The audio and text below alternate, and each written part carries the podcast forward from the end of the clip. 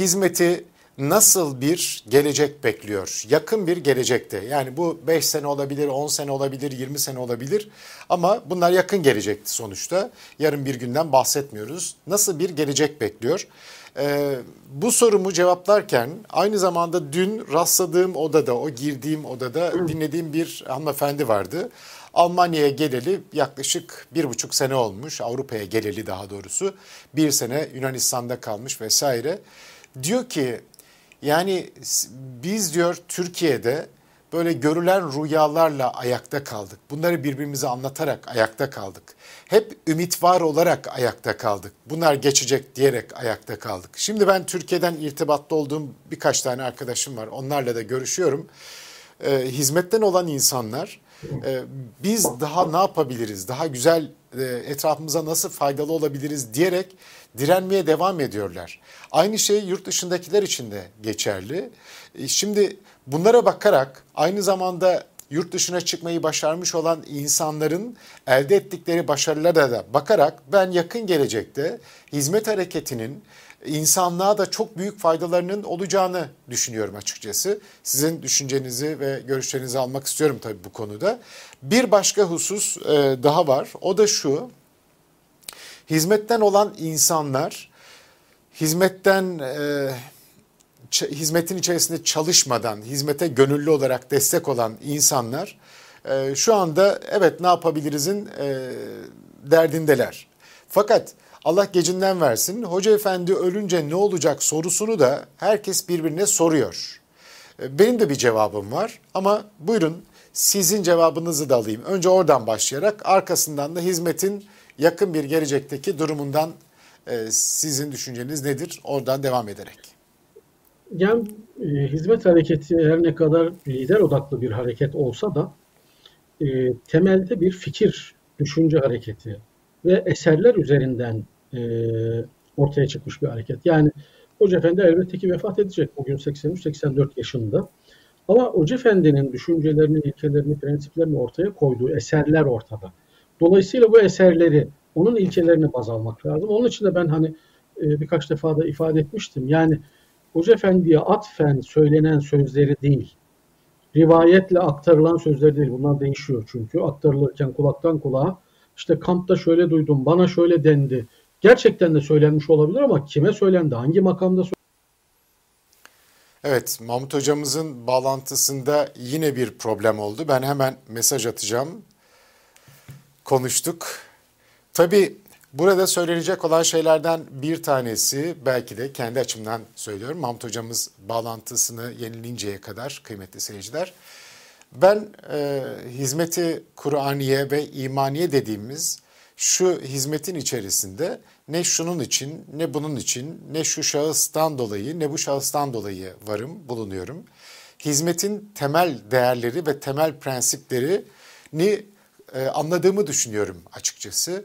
Ve bu temel değerler, temel prensipler çerçevesinde de ben etrafıma, etrafımdaki insanları nasıl faydalı olabilirim? Allah'ın dinine nasıl hizmet edebilirim? Bunun peşindeyim. Mesela Hoca Efendi vefat ettiğinde e, o da bir insan sonuçta ona da biçilmiş olan bir ömür var ve o ömürde nihayete erecek. Allah uzun ömürler versin, başımızdan eksik etmesin. Çok iyi bir insan, çok kaliteli bir insan. Türkiye'de bunu er ya da geç anlayacak. Türkiye belki de dünya üzerinde en geç anlayacak ülkelerden biri olacak Hoca Efendi'nin kıymetini. Biz Hoca Efendi'nin kıymetini de hizmetteki insanlar olarak belki de çok sonraları daha net bir biçimde anlayacağız. Bunu yıllar önce bir abiden dinlemiştim. Bunun da gerekçeleri var aslında. Bunu niye böyle söylüyor? Bu da başka bir tartışma konusu aslında. Ee, Mahmut hocamızın bağlantılarını tekrar kontrol ediyorum, bekliyorum. Ee, ama Hoca Efendi vefat ettiğinde bile hizmetin içerisinde kalmaya devam etme noktasında ben Allah'ın izni ve inayetiyle e, kararlıyım. Çünkü bu hizmet ne Fethullah Gülen Hoca, Hoca Efendi'nin hizmeti, ne Asım'ın, ne Mahmud'un, ne Ayşe'nin, ne Fatma'nın hizmeti. Böyle olunca e, bu hizmetin içerisinde olmak meselesi az önce Mahmut hocamızın da belirttiği gibi prensiplerle ilgili Allah'ın davası olup olmadığına inanmayla ilgili. Baktığınızda da elinizdeki delillerle ortaya konulmuş olan işlerle baktığınızda da evet bu Allah'ın davasına hizmet ediyor. Bazı yanlışlarımız, bazı kusurlarımız hatalı olabilir. İşlemler sırasında yaptığımız, tuttuğumuz yol e, belki de e, ne bileyim birilerinin hoşuna gitmiyor olabilir. Ama benim niyetim itibariyle baktığın zaman evet ben bunun için yapıyorum. Allah rızası için yapıyorum. Olabildiği kadar da Kur'an ve sünnet çizgisinde yapmaya çalışıyorum. Evet dediğim gibi bazı noktalarda senin iştihat hata e, senin iştihatlarına uymayabilir benim yaptıklarım ama beni de dinlemelisin. Tekfir etmeden dinleyebilmelisin. Başka cemaatler için de geçerli bu. Mahmut hocam yeniden e, bağlandınız. E, evet, bugün yerden... böyle problemli bir bağlantımız oldu yani. Evet. Neden benden mi kaynaklanıyor? İn... Baktım telefondan da giremedim. İnternet problemi var. Evet, internette bir problem olabilir hocam. Buyurun. Ee, ne diyorduk en son nerede kalmıştık acaba? Hizm, hizmeti nasıl ha Hoca Efendi'nin e, Allah uzun ömürler versin e, demiştik ama Hoca Efendi ile kaim değil prensipler var ilkeler var demiştiniz. Buyurun oradan devam edelim. Yani e, Hoca Efendi'nin düşüncelerini eserleri dikkate almak lazım. Hani şunu diyordum e, sözlü ifadeler, irticali ifadeler çoğu zaman manipülasyona müsait oluyor. Yorumlanmaya, yanlış anlaşılmaya müsait oluyor. Onun için e, kitabi kaynakları esas almak lazım. E, Hoca Efendi'nin vefatından sonra ne olabilir? Yani bu tür büyük hareketlerde, sosyal hareketlerde liderlerin vefatı sonrası genelde parçalanmaları olmuştur. Duraksamaları olmuştur ama onların içinden en rasyonel, en etkili, en güçlü olan bir parça diğerlerini yine toplamış devam etmiştir. Mesela Bediüzzaman'ın vefatı sonrası olduğu gibi bir miktar durağanlıklar yaşanabilir, e, farklı olaylar yaşanabilir ama asıl olan bu tür hareketlerde o eserlerdir, düşüncelerdir, fikri altyapıdır. Ona esas almak lazım. Netice itibariyle hizmet şu değil bakın. Hani şöyle bir şey düşünüyorsa insanlar, dinler de öyle değil, hizmet de değil. Ya mutlak manada bir zafere ulaşma, bir işte surun burcuna bir bayrak dikme filan bir ordu değil bu. Bir devlet değil. Neticede nedir? Bir iyilik hareketidir. İnsanlığa ve kendi toplumumuza, Müslümanlara yararlı olabilme, onlarda var olan problemleri azaltıp iyilikleri artırabilme hareketidir. Bir tebliğ hareketidir, bir temsil hareketidir. Dolayısıyla Üstadımız Bediüzzaman'da, Hoca Efendi de bununla ilgili temel ilkeleri ortaya koymuştur. Bundan sonra yapılacak şey de bunları yaşatmak, devam ettirmektir. Buna dair organizasyonları, kurumları, yapıları bu hedeflere matuf o doğrultuda canlı tutmaya çalışmaktır. Yoksa Hoca Efendi'den sonra hizmet elbette devam edecek, bitmeyecek, yıkılmayacak. Hiçbir harekette bu tür hareketler liderinden sonra bitmemiştir. Mesela siyasi partiler bitmiştir. Bugün Özal gitti, ANAP diye bir parti hatırlıyor musunuz mesela? Demirel'in Adalet Partisi vardı, yok mesela. İşte DYP diye bir parti vardı bak Tansu Çiller genel başkanıydı. Nerede? Yok. Siyasi partiler gider ve eminim yarın AKP diye bir parti olmayacak veya çok marjinal olacak. Bugünkü Demokrat Parti gibi böyle çok evet. marjinal bir parti olacak ama bu tür dini, sosyal, manevi gruplar e, liderleri vefat ettikten sonra da etkilerini devam ettirir. Asırlarca devam ettirir. Evet. Hep dediğim Peki. gibi yani bu Peki zulüm hocam. düzeninin e, mahkemeleri e, anılacak, nefretle anılacak. Ama bu dönemde zulme maruz kalan insanların düşünceleri, e, hareketleri onlardan çok daha uzun yaşayacak. Buna eminim. Evet, evet. Aynı düşüncedeyiz hocam bu konuda. Hizmeti nasıl bir yakın gelecek bekliyor? Ve mesela Türkiye'de e, Mehmet Yıldız Bey sormuş az önce. Mesela Türkiye'dekiler çıkmalı mı? Siz ne diyorsunuz? Türkiye'deki herkes, hizmetle bağlantılı olan herkes çıkabilme imkanı olanlar ya da fırsatı e, bulan bulanlar çıkmalı mı?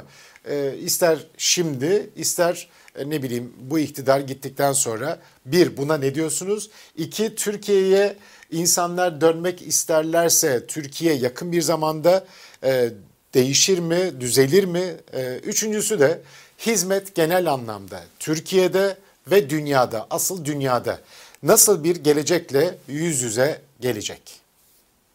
En son sorudan başlayalım. Şimdi hizmet içinde şöyle bir yaklaşım yaygın.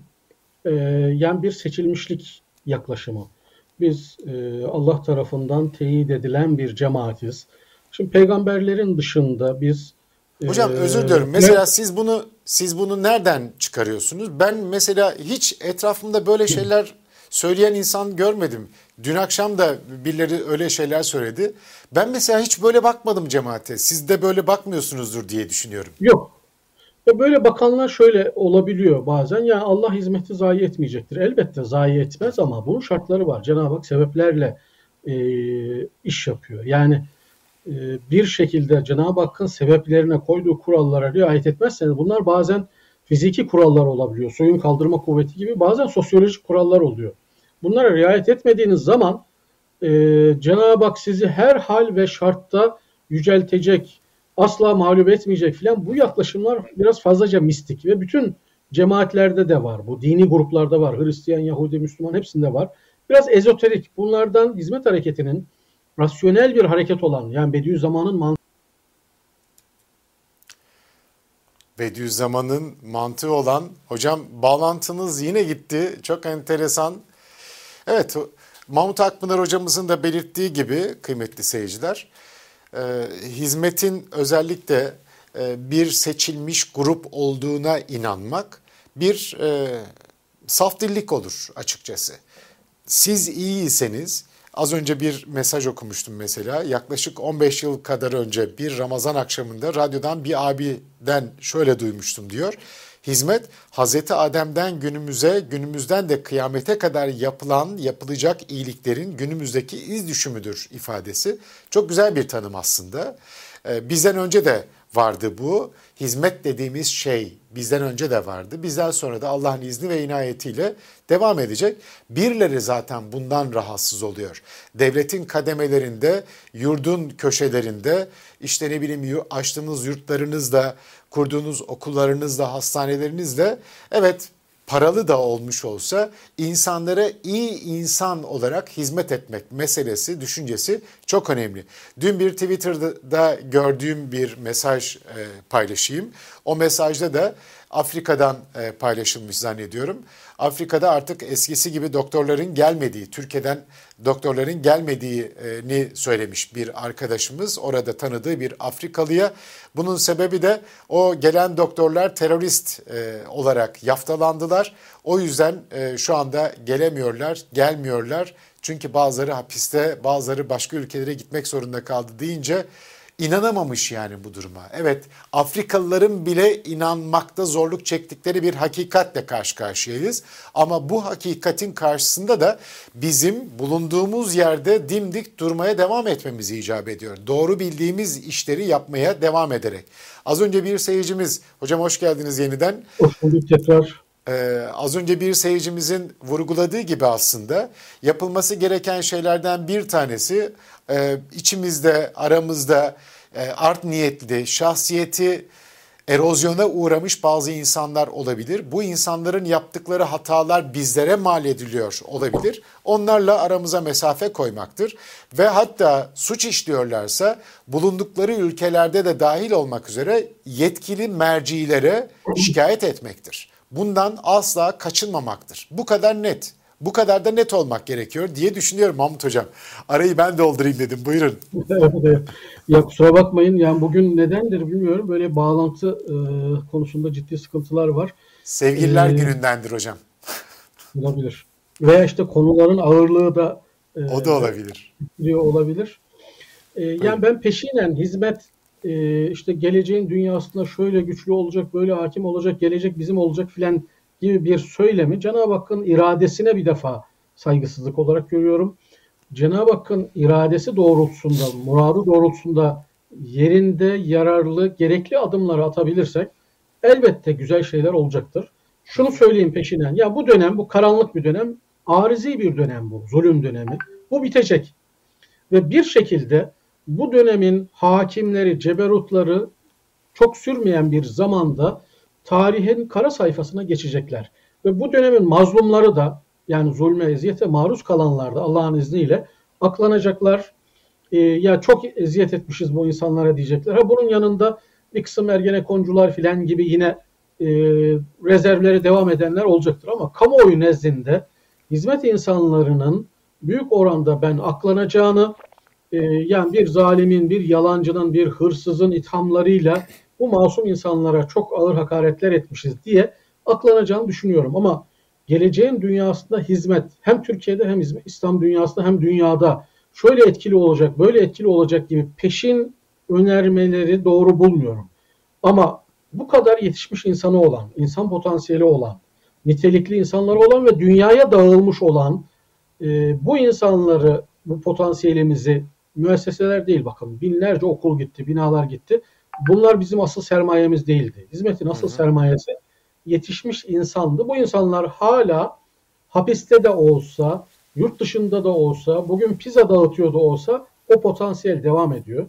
Hizmet ve hizmet organizasyonunun sorumluları bu insan potansiyelini en az zayiatla yeniden aktive edebilirse, iyi değerlendirebilirse sadece hizmet hareket değil, bu kadar büyük potansiyele sahip bütün sosyal hareketler e, geleceğe etkili adımlar atarlar. Ama bu bu insan potansiyelimizi verimli ve etkin, zamanın ruhuna uygun değerlendirebilmemize bağlı. Yapabiliyor muyuz? Bu noktada her geçen gün daha iyiye doğru gittiğini görüyorum. Toparlanmanın olduğunu görüyorum. Burada tamamen meseleleri yönetici insanlara bırakmayı da doğru bulmuyorum. Geleceğin dünyasında tamamen yönetişimle, meşveretle, gerçek manada meşveretle yapılar kurabilirsek hizmet geleceğe güçlü taşınacak. Yani Türkiye'deki hizmet mantığını bir kenara bırakmak lazım. Eski hal muhal ya yeni hal ya izmihlal. Yani eski biraz daha böyle hiyerarşik, katı hizmet modelinden öte daha katılımcı, daha yönetişime açık, gerçek manada meşveretin olduğu, herkesin bir şekilde elini taşın altına soktuğu karar mekanizmalarına girdi ki bunun İngiltere'de, Amerika'da örnekleri var. Bu tür hizmet yapılarına dönüşebilirsek hizmet modern dünyada, batı dünyasında ve insanlık için gelecek vaat edecektir Allah'ın izniyle. Hı hı. E, bu noktada bireylere çok şey düşüyor. Hani bizde şöyle bir alışkanlık var. Birileri gelsin yapsın. Bu abiler nerede? Bu devlet nerede? İşte niye yapılmıyor? Öyle değil artık. Artık herkesin içinde olduğu ortak akılla, ortak kararla, meşveretle bir kısım şeylerin yapılması lazım. Bu zemini kurabilirsek aynı zamanda bu 15 Temmuz gibi art niyetli, manipülatif şeylere, suistimallere de hizmeti kapatacak. Hizmet herkesin malı. Asım'ın da malı, Ali'nin de malı, Mehmet'in de malı.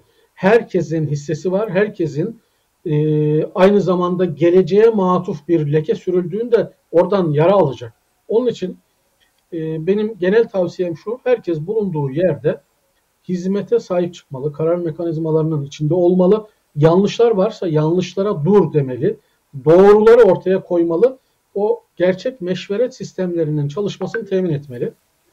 Hizmetin Türkiye'de geleceği var mı? Türkiye'den herkes çıksın mı? Ben o kanaatte değilim. Yani elbette imkanı olan insanlar hicret etsin. Hicret bütün peygamberler tarihinde var. Bütün sosyal hareketlerde var. Zulüm gören insanlar hicret etmiş.